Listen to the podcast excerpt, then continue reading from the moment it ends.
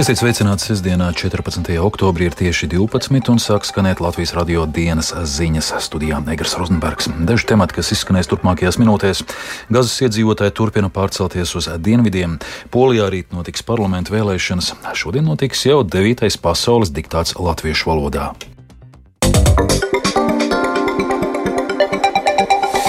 Pat karam ir savi noteikumi, tā pirms ANO drošības padomjas sēdes izteicies šīs organizācijas ģenerāls sekretārs Antonio Guterres. Viņš kritizējis Izraels armijas prasību Gazas civiliedzīvotājiem pamest reģiona ziemeļus, norādot, ka vienu miljonu cilvēku šādos apstākļos pārvietot ir gandrīz neiespējami. Savukārt ASV prezidents Joe Bidenis pavēstījis, ka Amerika dara visu iespējamo, lai atrastu Izrēlā sagrābtos gūstekņus. Jaunāko informāciju apkopojas mūsu Briseles korespondents Arķems Konohovs. Plašsaziņas līdzekļi vēsta, ka Izraels armijai piekdien ir izdevies atrast vairāku teroristiskā grupējuma Hamas sagrābto ķilnieku līčus. Viņi atradās pazemes tuneļos Gazas joslā, tomēr nekādas plašākas informācijas par šo nav. ASV prezidents Joe Bidenis intervijā televīzijas kanālam CBS ir sacījis, ka viņa valdība dara visu iespējamo, lai atrastu gūstekņus, vairāki no kuriem ir ASV pilsoņi. Mēs darīsim visu, kas ir mūsu spēkos, lai viņus atrastu. Visu, kas ir mūsu spēkos. Es tagad neiedziļināšos detaļās, bet mēs smagi pie tā strādājam. Tikmēr arvien lielāka starptautiskā kritika izskan par Izraēlas armijas prasību Gazas iedzīvotājiem pamest reģiona ziemeļus un doties uz dienvidiem. ANO ģenerālsekretārs Antonio Guterres sacīja, ka slimnīcas Gaza dienvidos ir pārpildītas un nevarēs palīdzēt daudziem palestīniešiem, kas dzīvo ziemeļos. Pārvietot vienu miljonu cilvēku caur blīvi apdzīvotu kara zonu uz vietu, kur nav ne ēdiena, ne ūdens, ne naktsmītnes, laikā, kad visa teritorija ir aplēgta, ir ļoti bīstami un dažos gadījumos vienkārši nav iespējami. Par kariem ir noteikumi ir jārespektē starptautiskos humanās palīdzības likumus un cilvēktiesības.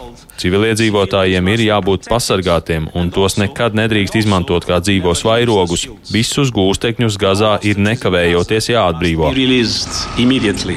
Tiek ziņots, ka Izraels uzbrukumu dēļ Gazā ir iznīcināta aptuveni 1300 ēku. Tāpat Izraels pusē šis konflikts ir aiznesis aptuveni 1300 dzīvības, bet palestīniešu pusē bojā gājuši ap 2000 cilvēku.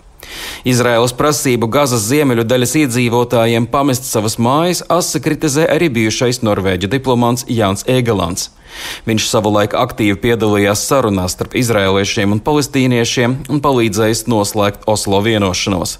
Intervijā Britu raidsabiedrībai BBC Egelants ir nodēvējis to par kara noziegumu. Tāpat jāpiebilst, ka turpinās ārvalstu pilsoņu evakuācija no Izraēlas. Arcums Konahaus Latvijas Rādio Briselē. Krievija tieši nepiedalās karā Izrēlā, taču nav noslēpjams tās ļaunais prieks par tur notiekošo. To telekanālam Dožģi atzinis Ukrainas prezidenta biroja vadītāja padomnieks Mihailo Podoļaks. Viņš arī norādīja, ka esot pilnīgi saprotama pasaules mediju uzmanības pārslēgšanās no Krievijas zvērībām Ukrainā uz tām, kas šobrīd notiek Izrēlā. Ukrainā karš turpinās jau 19 mēnešus, kamēr Hamas noziegumi ir pavisam svaigi. Podoļaks uzsver, ka Maskavas uzvedība norādot, ka tā ir ļoti izdevīga izveidojusies situācija un ka Krievijas rokai varētu būt saistība ar notikumiem tuvajos austrumos Вторжение на южную территорию Израиля, оно было нетипично. Iebrukums Izraēlas dienvidu teritorijās bija netipisks. Vienlaikus masīvs dronu un raķešu uzbrukums, tāpat vienlaikus liels skaits cilvēku. Bija daļa tāda, kas trenēta militāru mērķu iznīcināšanai, iegāja militārās bāzēs un sagrāba tehniku, bet apkārt viņiem bija tādi mazāk militāri sagatavotie, kas veidoja to neprātīgo orģiju masu. Visi tika vienlaikus virzīti vismaz 14, 16 dažādos virzienos, kur notika triecieni. Tas, manuprāt, ir izstrādāts un iestudēts paņēmiens, kuru konsultējuši padomnieki no Irānas vai Krievijas. Viņi strādājuši ar Hamas ilgstoši, cenšoties izstrādāt šo uzvedības loģistiku iebrukumā svešā teritorijā. Tas noteikti tiks rūpīgi analizēts, lai noteiktu, kas un kā ir piestrādājis, lai atbalstītu un veicinātu šīs Hamas darbības.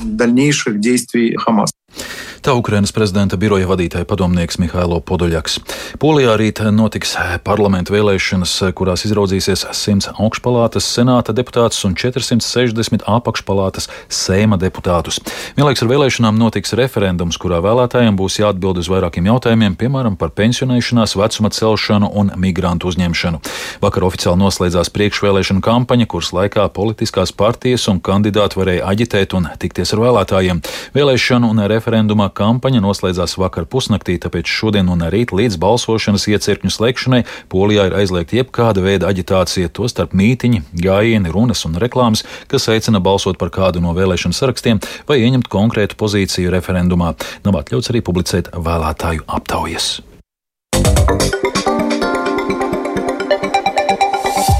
Šodien notiks jau devītais pasaules diktāts latviešu valodā. Tekstu klātienē Nacionālajā bibliotekā diktēs aktrise Agnese Budovska, bet tos atcerējis rakstnieks Māris Bērziņš. Tas ir liels pagodinājums, ja rakstnieks saņem šādu piedāvājumu. Tā uz šo nu jau tradicionālo notikumu lūkojas iepriekšējo gadu diktāta tekstu autori. Vairākus rakstniekus par to izvaicāja Zane Eniņa. Vēlu visiem veiksmi, un tad mēs varam sākt. Aivars Eipurs mazsālīto gurķu blūzs. Tā sākās 2021. gada pasaules diktāts. Aktieris Mārtiņš Meijers lasīja rakstnieka Aivara Eipura speciāli šim notikumam sacerēto tekstu. Impulss rakstīt par gurķiem bijis nejaušs, saka Aivars Eipurs. Gadījās tāda situācija darbā, kad ar vienu kolēģi runājām par gurķu skābēšanu, un man tieši tajās dienās gadījās piedzīvojums centrāla tirgu, un uh, es to arī uzrakstīju, izmantojot, nu, jau pie mums pazīstamā mana žanra minimas to paveidu, tātad īsprozu, nu, ar mākslas darbu iezīmēm, bet to es pielāgoju diktātam. Diktāta rīkotāju nodibinājumu pasaules valoda ieteikums bijis tekstā ietvert gan garākus, gan īsākus teikumus, divdabļa teicienus, kādus sarežģītākus svešvārdus, arī saliktos saikļus vai citādus sintakses slazdus.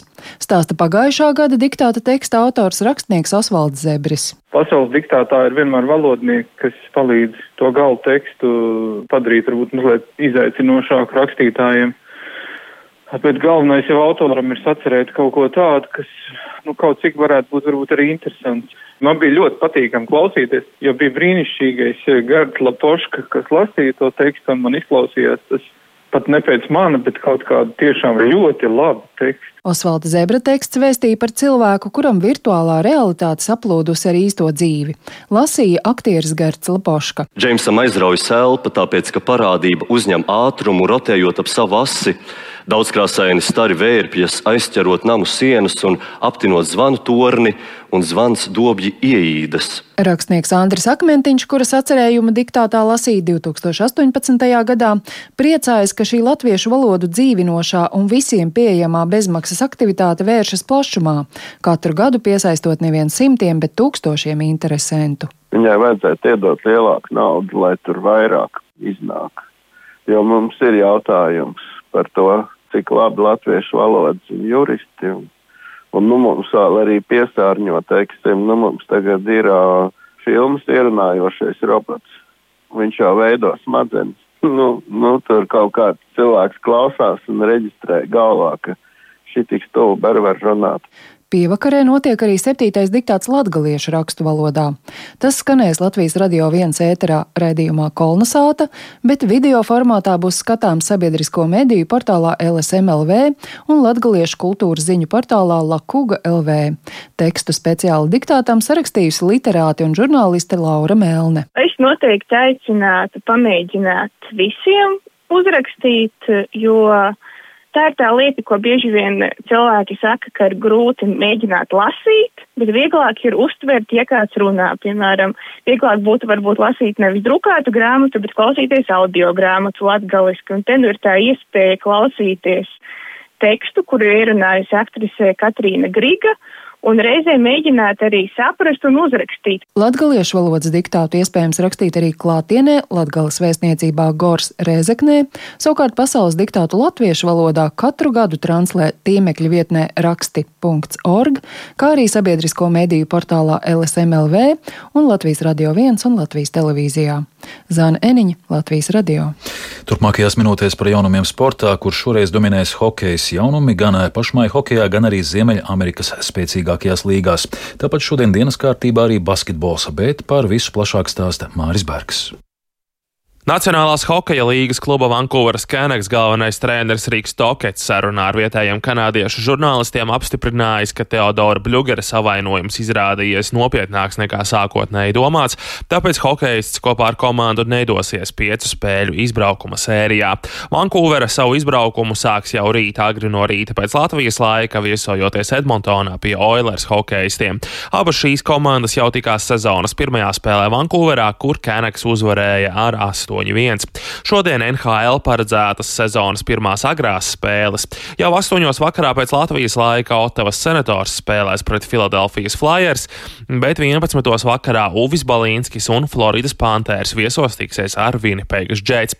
Vēlāk naktī spēles paredzētas arī Buffalo Sabres un Kolumbusas Blue Jackets, kur kā ierasts spēlēs Zemgus Girgensons un Elvis Merzļikins. Viņu pārstāvētās komandas šonakt spēlēs pret attiecīgi New Yorkas Islanders un York Ņujorkas Rangers komandām. Amerikas hokeja līgā sezonas pirmajā spēlē vārdsargs Artūrs Šilovs atvairīja 27 no 31 pretinieku metiena, palīdzot Abotsfordas Kenaks ar 7-4 uzvarēt Lavālas Rockets hokeistus. Latvijas čempionvienība hokejā Zemgale LBTU šovakar turpinās IHF kontinentālā kausa izcīņas otro kārtu, spēlējot pret Liežas hokeistiem no Beļģijas. Zemgale vakar savā pirmajā spēlē pret Brašovas koronas svinēja uzvaru uzvaru 3-1. Savukārt Liežas hokeistiem zaudējums ar rezultātu 3-9 pret Celja hokeistiem no Slovenijas. Spēle Jālgavā šodien sāksies pusaustoņos vakarā. Latvijas-Igaunijas basketbola līgā šodien paredzētas uzreiz sešas spēles. Jau piecos pēcpusdienā Valmiera viesosies pie Pērnavas basketbolistiem. Tāpat piecos Vēnspils izbraukumā spēlēs pret Tallinas Talteks, savukārt dienas centrālajā spēlē piecos Ogre savās mājās uzņems Liepāju. Sešos vakarā Rīgas zeļi Mārupē spēlēs pret Latvijas universitāti, un zeļi vakar paziņoja par pieredzējušā Kaspara Bērziņa pievienošanos komandai. Pusseptiņos Prometēja uzņems Raplas klubu, bet dienas noslēdzošajā spēlē septiņos vakarā Vefrīga viesos viesos sāks spēli pret Tartu Universitāti. Šobrīd par sportu man tas arī viss. Un vēl Jūrkalnē šodien notiek 13. festivāls jūras makšķerēšanā no krasta un 12. Latvijas čempionāts jūras makšķerēšanā tautas klasē. Pasākuma mērķis jūras zivju makšķerēšana, pieredzes apmaiņa, kā arī labāko Latvijas sportistu un komandu noteikšana šajā makšķerēšanas sporta disciplīnā. Sacensībās piedalās ap 90 komandas ar diviem dalībniekiem katrā, vai rakstās Teidgars Kupčs. Augstāko vietu Latvijas čempionātā iegūs komanda ar smagāko lomu, ziņo makšķerēšanas festivāla rīkotāji. Pirmo trīs vietu ieguvēji tiks pie piemiņas balvām, bet uzvarētāju komanda māju vedīs ceļojošo kausu. No trījiem pēcpusdienā Veituranamā būs iespēja iepirkties tirgu un piedalīties konkursos kopā ar pasākumu vadītājiem, kas sevi pieteikuši kā jūras robežsargus Hektoru un Vektoru no Vizbijas. Vēlāk gaidām arī balle. Atgādināšu, ka piekrastē līdz novembra vidum turpinās lašu un taimiņu ieguves lieguma periods. Nārsta laiks ir sevišķi jūtīgs periods lašveidīgajiem, tie kļūst vieglāk pieejami to ikru un gaļas kārotājiem. Izskan Latvijas radio dienas ziņas producente Vija Bremse, ierakstus montēja Renāša Steimanis par labskaņu rūpējās Katrīna Bramberga, studijā Egars Rozenbergs vēlreiz īsumā par svarīgāko. Gazas iedzīvotāji turpina pārcelties uz reģiona dienvidiem. Polijā rīt notiks parlamenta vēlēšanas, bet Latvijā jau pavisam drīz sāksies 9. pasaules diktāts latviešu valodā. Vēl tikai par laikapstākļiem. Yeah. Galvaspilsētas centrā 16 grādi brāzmains dienvidu rietumu vējš, atmosfēras spiediens 746 mm, relatīvais gaisa mitrums 92%. Sinoptiķi prognozē, ka šodien Latvijā gaidāms mākoņains laiks pēcpusdienā sākot no rietumiem pakāpeniski skaidrosies. Ik pa laikam lietus, dienvidē rietumu, rietumu vējš brāzmās līdz 18, jūras piekrastē 23 metriem sekundē, gaisa temperatūra 14-18 grādi. Rīgā šodien būs mākoņains laiks pēcpusdienā pakāpeniski skaidrosies. Būtiski nokrišņi nav prognozēti. Pūtīs dienvidu rietumu, rietumu vējš brāzmās līdz 16 metriem sekundē, gaisa temperatūra dienas laikā 15-17 grādi, laika prognoze otrā labvēlīga.